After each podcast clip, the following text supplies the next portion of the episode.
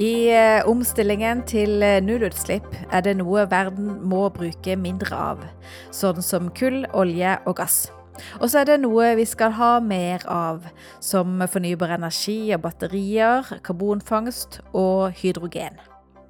For noen uker siden så var energiselskapet Shell gjest her i podkasten og fortalte hvorfor de ønsker å produsere hydrogen i Norge for det tyske markedet. I denne podkastepisoden skal vi snakke om hydrogentransport, og om det er mulig å transportere hydrogen fra Norge til Tyskland i rørene som i dag forsyner Tyskland med norsk gass. Hvis du lurer på hvorfor vi nerder oss ned i denne materien, så er det fordi det er mye politisk vilje og mange festtaler om hydrogen. Men de nye grønne industriene kommer ikke av seg sjøl. Og jeg er interessert i å forstå hvis Norge og Tyskland har en ambisjon om å realisere en norsk-tysk hydrogenverdikjede, hva er barrierene som kan sørge for at dette ikke blir noe av? Er det teknologi, eller er det økonomi? Hjertelig velkommen til Energi og klima. Mitt navn er Kirsten Øystese, og jeg kan allerede nå avsløre hva Hans Christian Danielsen i DNV mener er den største risikoen for at hydrogentransport fra Norge til Tyskland i eksisterende gassrør potensielt ikke blir noe av. Jeg mener at den største risikoen er at man ikke får det kommersielt. Men før Hans Christian Danielsen utdyper hvorfor, så skal jeg snakke med Vigdis Olden, seniorforsker ved Sintef Industri, om hvorfor vi da ikke bare kan begynne å transportere hydrogen fra Norge til Tyskland i de eksisterende gassrørene. Av og til så føler jeg meg litt som en sånn eh, kjip festbrems som må rekke opp hånda og si at vi må være sikre på at disse materialene faktisk tåler å bli eksponert eh, for hydrogen. Vigdis Olden, du er seniorforsker ved Sintef Industri i avdeling for materialer og nanoteknologi. Og jeg har ringt rundt for å finne ut eh, hvem i Norge som kan mest om hydrogentransport i rør, og hva som potensielt skjer med både hydrogenet og røret. Og da er ditt navn det som ofte nevnes. Det var hyggelig. Men hva var det som eh, vekka din interesse først for hydrogen?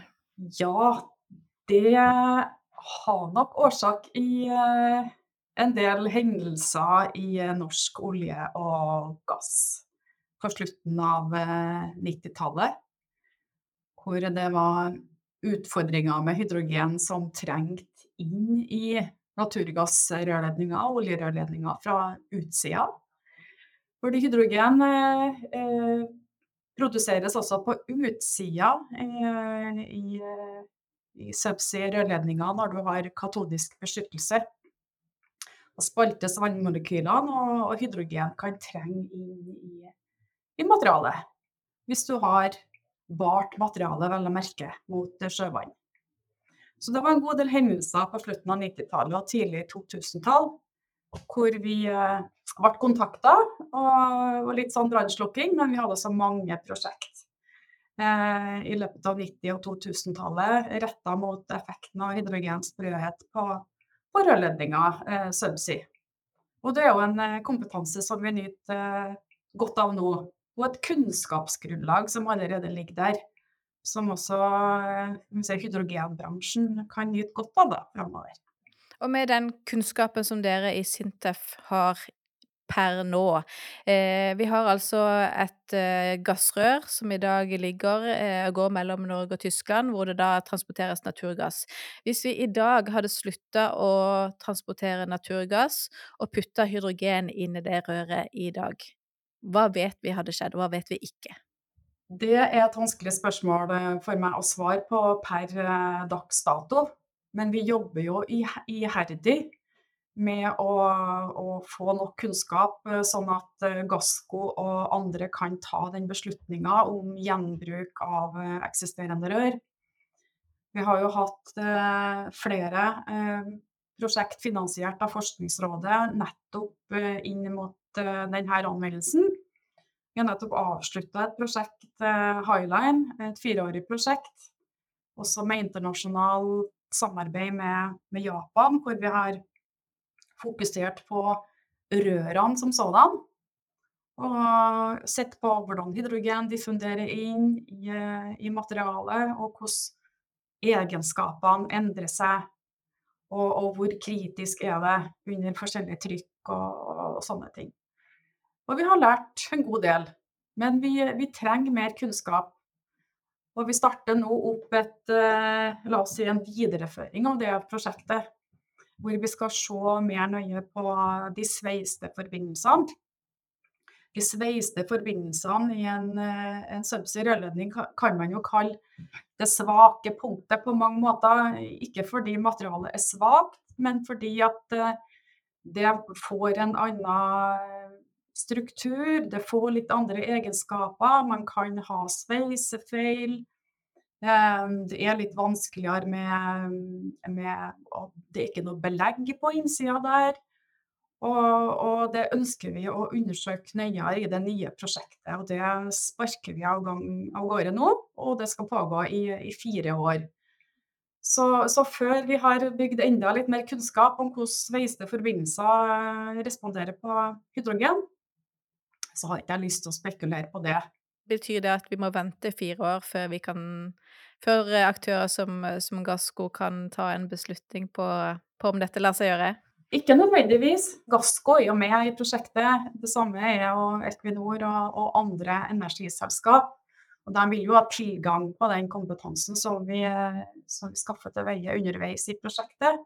Og det kan jo hende at, at det er viktige resultat som kan måte, uh, brukes inn mot uh, ja, å etablere standarder og regelverk, uh, f.eks. Men hva er det med kombinasjonen hydrogen og stålrør som er utfordrende, og som gjør at vi per i dag i hvert fall ikke kan si med sikkerhet hvor mye hydrogen og under hvilket trykk hydrogen eventuelt kan transporteres i eksisterende gassrør? Hydrogenatomet eh, er jo det minste som, som finnes. Og det, det, finner jo lett vei inn i materialer og binder seg til atomene i, eh, i metall. Eh, og det som skjer hvis du putter hydrogengass eh, inn i et rør, er jo at de si, hydrogenmolekylene som kommer nært nok metalloverflata til å, å kjenne kreftene fra, fra, atomene i metallet, det spalter. Da, da spaltes hydrogenmolekylene seg, og atomene går inn i strukturen. Der eh, ja, beveger det seg lett i metallgitteret fordi det er så lite, og det kan feste seg til utfellinger og, og steder i strukturen som, som, aldri er helt perfekt. Um, det endrer ikke styrken på materialet, men det gjør at evnen til å ta opp deformasjon, liksom duktilitet og seighet, blir, uh, blir lavere. Det er det som vi kaller sprøhet. Det skal mindre deformasjon til før materialet går til brudd. Nå har vi hatt det veldig kaldt i Norge. Du kan jo kanskje sammenligne, men hvis det er eh, veldig kaldt, så vil du også merke det hvis du har en, en ståltråd f.eks. Og, og skal bøye av den i minus 30 grader, så, så går den fortere til brudd enn om du gjør det i romtemperatur. Det er jo ikke de samme mekanismene, men det er liksom samme effekten på, på materialet. Mm. Men hva er den sånn som med den kunnskapen vi har til nå, da, hva ser vi som den potensielt største risikoen ved å bruke eksisterende rør til transport av hydrogen? Risikoen er jo at vi, at vi at den kombinerte effekten si, av, av, hydrogen fra utsida og lokalt, nei, lokalt fra utsida og fra innsida blir for stor at, uh, og at vi ikke klarer å beskytte materialet uh, godt nok. Og at områder som sveis f.eks., som allerede har en viss sprøhet i seg, blir, blir for sprø.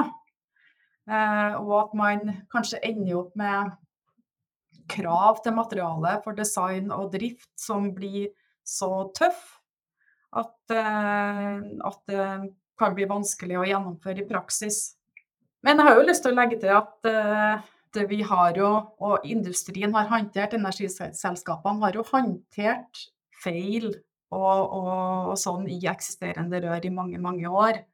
med hydrogen til stede, som jeg nevnte. Sånn at eh, jeg er ikke veldig bekymra. Men vi må gjøre en god jobb med å evaluere den kombinerte effekten av eh, hydrogen på begge sidene av røret. Hvis du da som eh, materialforsker skulle anbefalt et type rør som var dedikert for hydrogentransport, altså valgt både konstruksjon og materiale som ville vært det aller beste for, for dette formålet, hvor annerledes ville det vært sammenlignet med de eksisterende gassrørene? Det har nok eh, gått an å ha fått rør som man var helt trygg på ikke ville få la oss si, noe kritisk effekt av hydrogen. Eh, man kunne for f.eks. ha valgt et, eh, et rustfritt stål, og man kunne ha lagt noe eh, belegg av et materiale som slipper lite hydrogen inn, og, hvor diffusjonshastigheten av, av, hydrogen er veldig lav.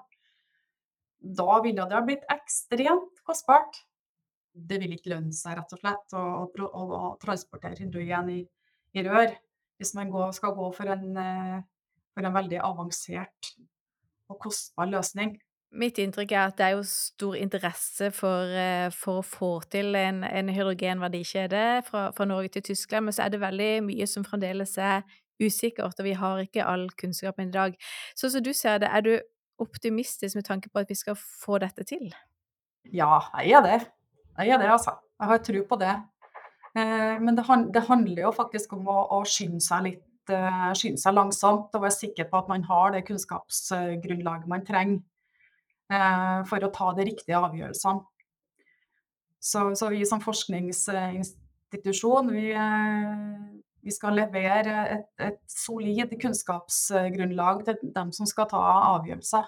Det er vår oppgave og skal være veldig forsiktig med å, å synse noe i den ene og andre retningen. Men jeg, jeg håper jo, eh, jeg håper jo for, for Norge sin del at, eh, at, vi klarer det her. Vi har jo som sagt et, et godt kunnskapsgrunnlag å lene oss på eh, historisk. Så skjer det veldig mye i verden akkurat nå. Den samme jobben med gjenbruk av rørledninger og vurdering av det pågår jo ikke bare i Norge, men eh, hele Europa, USA, Asia. Og vi, eh, vi snakker med hverandre. Og det, og det, foregår veldig mye parallell akkurat nå. Så jeg har tro på at i løpet av de nærmeste fem, fem årene genereres et godt nok kunnskapsgrunnlag til at man klarer å ta gode beslutninger. Enten det betyr go eller eh, no go.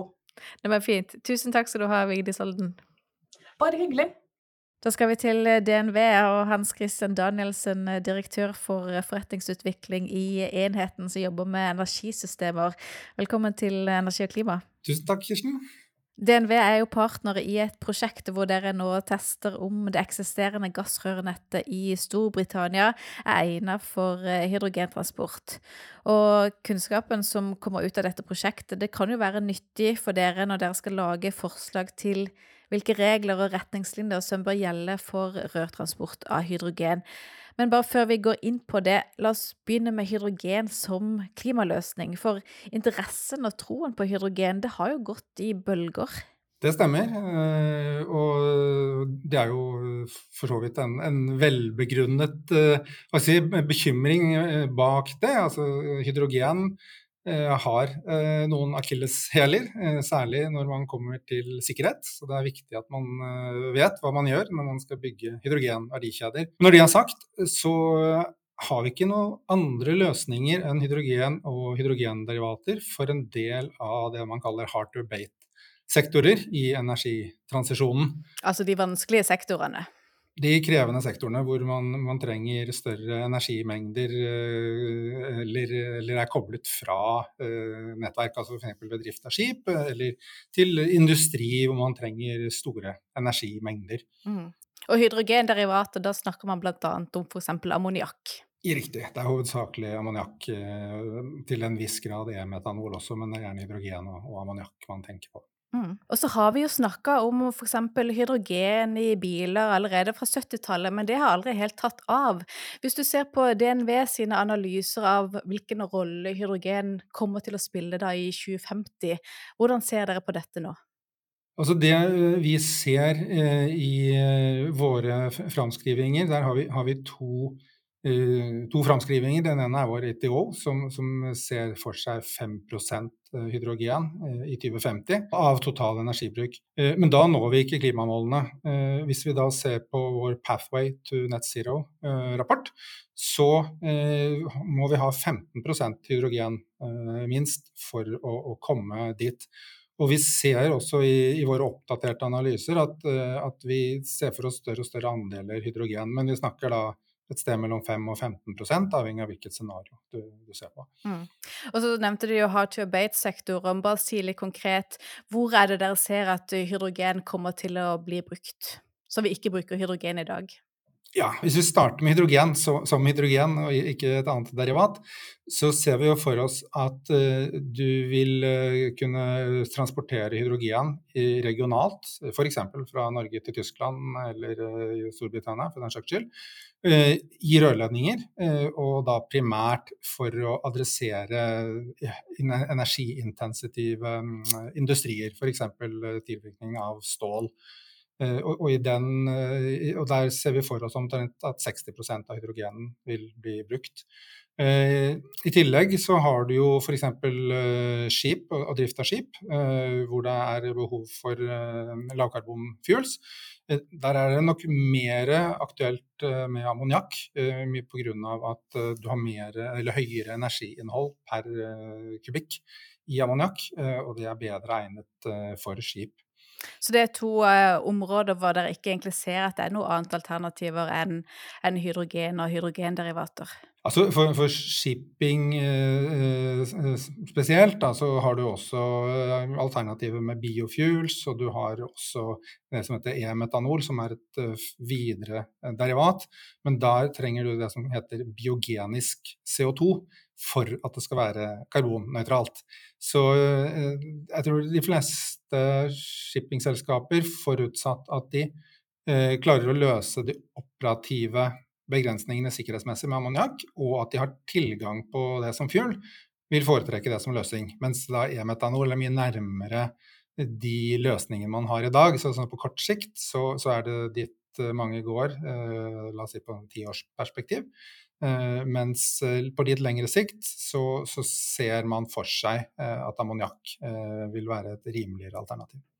Har dere i DNV endra noe på synet for hvilken plass hydrogen skal spille, hvis du ser på en måte de analysene dere har lagd i et tiårsperspektiv? Ja, altså hvis vi, hvis vi ser på våre ti, går litt tilbake i tid, da, på ITO-ene, så vil du se at hydrogen får en større og større rolle eh, i energitransaksjonen og i analysene våre. Eh, samtidig så kommer det relativt sent, eh, og det henger jo sammen med at det er krevende å etablere verdikjedene. Mye av de årsakene som vi kommer litt inn på etter hvert i forhold til å utvikle rørledninger og andre deler av infrastrukturen. Ja, la oss gå til det vi skulle snakke om. Altså for Norge og Tyskland har en felles intensjon om å få på plass storskala leveranser av hydrogen fra Norge til Tyskland innen 2030. Og Før jul så publiserte Gassco en studie som konkluderte med at det vil være mye billigere å transportere hydrogen fra Norge til Tyskland i eksisterende gassrør enn å legge nye hydrogenrør. Men spørsmålet er jo om dette vil fungere. Og basert på resultatene av studiene dere deltar i, hvordan vurderer DNV sannsynligheten for at eksisterende gassrør vil fungere til hydrogentransport? Ja, eh, jeg tror vi skal starte med å dele opp problemstillingen litt. fordi Hvis vi sier eksisterende rør, så er det jo mange eh, deler av rørledningsnettverket. Eh, hvis du starter i Norge, så har vi da offshore rørledninger som tar gassen til Europa. Både til Tyskland og UK, for den saks skyld. Og så kommer røret på land og går inn i transmission-nettverket. Og så etter hvert, f.eks. i UK, så går det inn i enda mindre eh, rørledninger når det distribueres eh, til hus.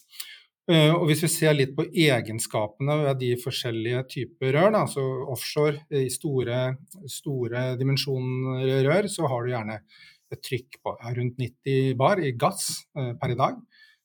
Når det kommer på onshore transmission-rørledninger, så ligger det mellom ja, 50 til 70 bar. Mens hvis vi går helt ut til, til husholdningene i UK, så, så, ligger det sånn 2 til 5 bar. Eh, og hvis vi da tar et eh, skritt tilbake og ser på hva er som er bekymringen ved å, å bruke eller konvertere rør fra naturgass til hydrogen, så er det jo at hydrogenmolekylene er mye mindre enn gassmolekylene. Så man er bekymret for at hydrogen vil trenge inn i materialet og gjøre materialet sprøtt. Eh, og I den forbindelse så er det jo da eh, vekst av sprekker i materialet, eh, i den grad at hvordan det opp, oppfører seg når det er blitt sprøere, men også hvilke laster det tar. Så hvis du da begynner i andre enden av der jeg begynte, hvis du går til, helt ut til husene i, i, UK, så er det jo lavt trykk og et rør som stort sett er gravd ned og ligger, ligger rolig. Og til en ganske stor grad har mindre spenninger i utgangspunktet enn hvis du går til offshore-rør. Så eh, når man da i det som het H21-prosjektet i, i UK, eh, testet den lavtrykksdelen av rørene, så gikk det mye mer på hva vil man få nye lekkasjebaner eh, i forhold til det man eh, hadde på naturgassiden. og ville hydrogen akkumulere seg eh, i hus eller ikke.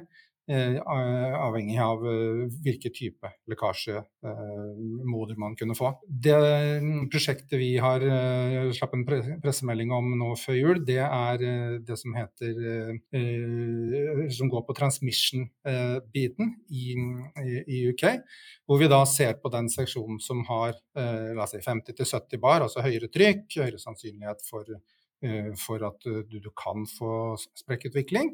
Men fortsatt så er dette rør som er på land og som, som ligger rolig. Eh, og, og, i det prosjektet så tester vi da eksisterende rør, og hvor vi da går inn og, eh, og gjør materialtester. Vi har laget mikrogrids hvor vi har satt sammen eksisterende rør til små nettverk, hvor vi tester det da med forskjellige blender av hydrogen. Eh, det er 2, 10, 20 eller 100 bar, nei, bar men med en prosent hydrogen. Så, eh, og, det, og, det, linker jo også igjen tilbake til materialegenskapene, fordi uh, i hvilken grad man da får hydrogensprøhet, avhengig av hvilket materiale det er, hvilket trykk det er, og hvilken blend av hydrogen man har. Eh, og hvis vi da går til offshore-rørledninger, så vil man da i tillegg få eh, Der har man i mye større grad andre laster, da, altså et offshore-rør. Det kan bevege seg på sjøbunnen med strøm og bølger. Det kan ha det man kaller frie spenn, altså at eh, det graves ut mellom to punkter på røret, sånn at det ligger, ligger på, som, på, en måte som en bjelke, og, og har, hvor du da får krefter i røret. Eh, så for, for den, eh, den, type rør så er det da enda eh, mer komplisert å, å, danne seg et bilde av hvilke laster er det som da kan eh, få sprekker i røret til å vokse. Og Hvilke funn har eh, disse testene gitt nå fra Storbritannia? Altså, disse testene pågår uh, fortsatt. Så, så, vi startet uh, det som heter Future Grid uh, for, i 2021. Eh, hvor de siste testene ble gjort i desember før jul. Eh, og så er det da fase to nå som går på komprimeringsbiten av, av transmission-rørledningen. Og så er det i tillegg da både blending og deblending av, eh, av gassen som man ser på. Så, så, resultatene er ikke tilgjengelig offentlig sånn i detalj. Men hensikten med arbeidet det er jo å å gjøre det regelverket eh, som gjelder hydrogenrørledninger, så lite konservativt som mulig. Altså hvis vi igjen tar et skritt tilbake, altså Per i dag så eksisterer det mer enn 1600 km med hydrogenrørledninger i, i, i Nord-Amerika. sånn at det å transportere hydrogen i rør, det, det er fullt mulig.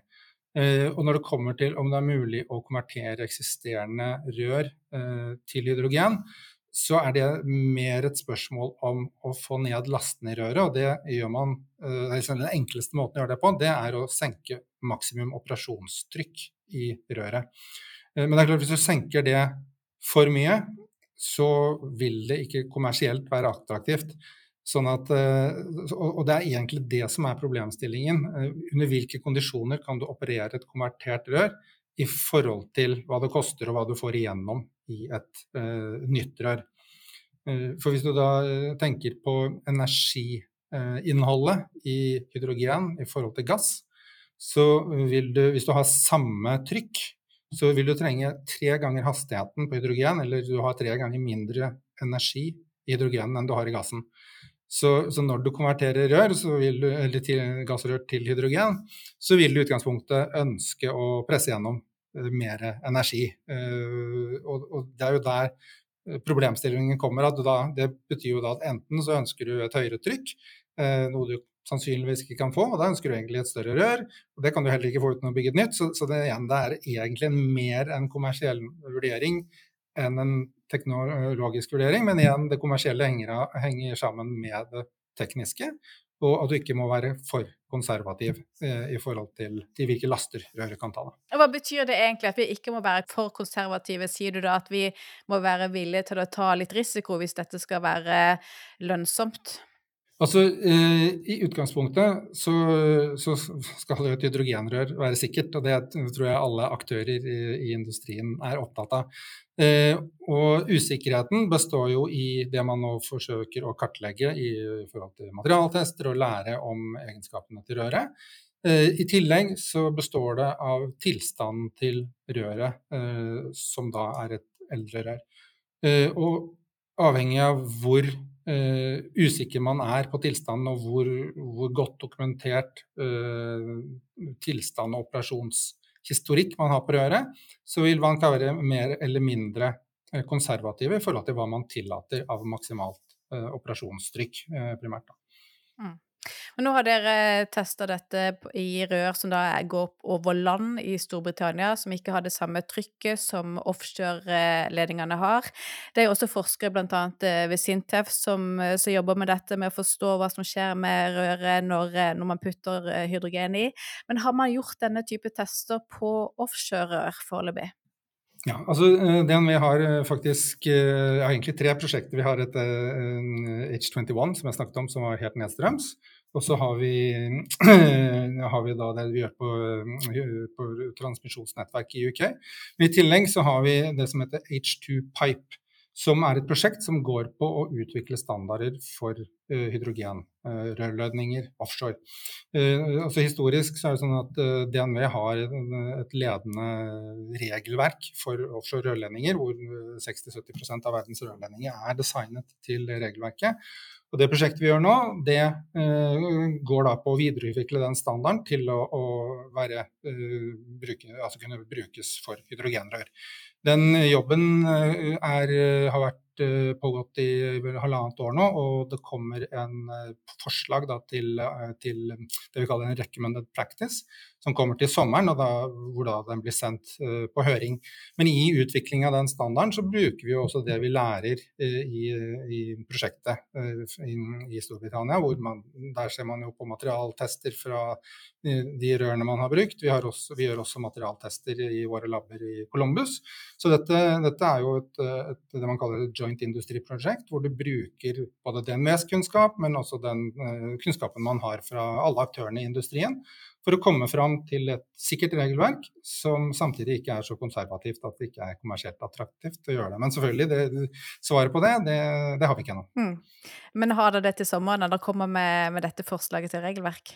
Når, når regelverket er ferdig, det, husk på at det er høring nå til sommeren, men når det er ferdig, da vil man i hvert fall ha et uh, mye bedre verktøy for å vurdere om hva som er mest fornuftig, å konvertere eksisterende rør eller å, uh, å bygge nye. Uh, når det er sagt, altså, hvis du ser litt på forventninger, altså DNV sin ITO uh, sier jo at uh, omtrent 50% av framtidens hydrogennettverk vil være konverterte rør. og hvis du ser på det som heter EUs Hydrogen Backbone-prosjekt, så ser de jo for seg et hydrogennettverk på noe sånt som 24 000 km rør. Men Da snakker vi også onshore distribusjonsrør, hvor omtrent 75% består av konverterte rør. Altså, men av den biten da, så er det kanskje mest krevende å, å legge til rette for, for offshore rørledningsbiten av det. Mm. Men når dere i deres analyser tror at 50% av energi, eller hydrogenforbruket vil bli transportert i rør, så sier vel det at dere tror at dette skal vi få til? Altså, vi, vi, er teknologioptimister og har tro på det, men vi gjør jo ikke noe som ikke er sikkert. Og, og det bringer meg jo til kanskje neste punkt i, i det jeg har lyst til å fremheve. Det er at hydrogen det, eh, det, er en fuel som man skal eh, utvikle eh, med erfarne aktører. Hydrogen er, kan operere sikkert, men, men det er eh, en, en, gass som har eh, sikkerhetsutfordringer, som, som, gjør at man må på en måte vite eh, hva man holder på med. Da. Hvis du sammenligner naturgass og hydrogen, så, så er det tre-fire um, hovedforskjeller. Altså, hydrogen det, det, kan antennes i en mye større range. altså For at du skal få naturgass til å brenne, så må du ha 5-15% av eh, naturgassen i miksen. For hvis den er lavere, så antenner den ikke. Hvis den er høyere, så blir det for, for denst, så du får ikke antent det. Mens, mens, det samme for eh, hydrogen er mellom 4 til 75% Så sånn sett så er det mye eh, større sjanse for å ha en, en, en antennbar gass. I tillegg så kreves det mye mindre energi, i størrelsesorden ti ganger mindre Eh, energi for å antenne hydrogen i forhold til å antenne gass. Eh, og den, men den siste er jo også da at eh, Og som på en måte er den, den tingen som vi påpeker i forhold til spesielt prosessiter i hver ende av et sånt rør. For det er nok mer det som er bekymringen enn en, en røret selv. Eh, og det er at eh, flammehastigheten i, i, ved, ved brann hydrogen det er eh, nesten ti ganger høyere eh, enn i naturgass, som gjør at du potensielt kan få veldig mye høyere, eh, høyere eksplosjonstrykk. Eh, nå har jeg på en måte malt det sorte bildet. Eh, samtidig så har eh, hydrogen eh, noen store fordeler, og det er at det fordamper og oppløser seg mye raskere i luft. Sånn at hvis man designer og bruker de fordelene hydrogen har, når man designer en prosessite og legger til rette for ventilasjon, så er det mye, mye mindre sannsynlig å få antennbare lekkasjer.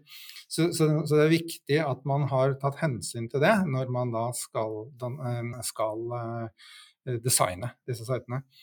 Uh, og igjen, så Jeg har jobbet uh, mye med gass, og spesielt LNG-sikkerhet. Jeg synes Det er en god sammenligning der. altså når man begynte med LNG-industrien, og for så vidt under hele, under hele utviklinga av den og skaleringen, så har man noen ganske store scenarioer man har hatt bekymring for. At du har store båter med enorme energimengder som teoretisk kan få store lekkasjer, og hvis de antennes, så, kan, så, så, så er det teoretisk eh, krevende scenarioer.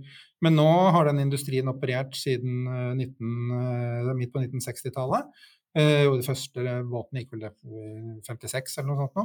Eh, men det har ennå ikke vært en stor ulykke med de fartøyene. Og det er, det er ikke tilfeldig, det er at man har barrierer Eh, F.eks. så må skipene anløpe i egne slåtter til havnene, sånn at det ikke er noe betydelig sannsynlighet for at de kan, for kan få en skipskollisjon.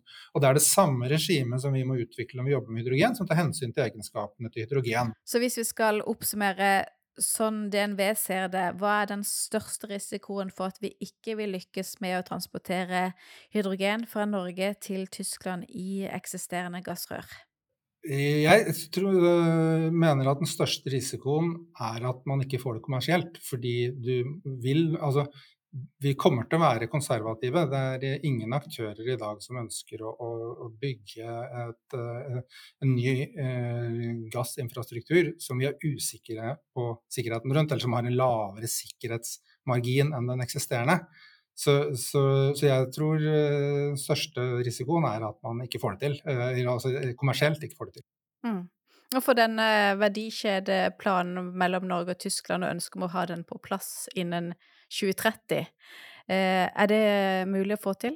Når vi snakker om det, så er, så er, det ja, det er mulig, men, men da har vi dårlig tid, for å si det sånn. Men det er, det er mulig å få til. Det er vel snakk om er det ikke Eh, to gigawatt eh, hydrogenrør mellom Norge og Tyskland innen 2030. Og det, det er bare tiden og veien. Eh, så, men det er jo mulig. Okay. Du Hans Christian Danielsen, eh, tusen takk for praten. Takk skal du ha. Takk også til du som hørte på. Vi er tilbake med en ny podkastepisode neste uke. Takk for i dag.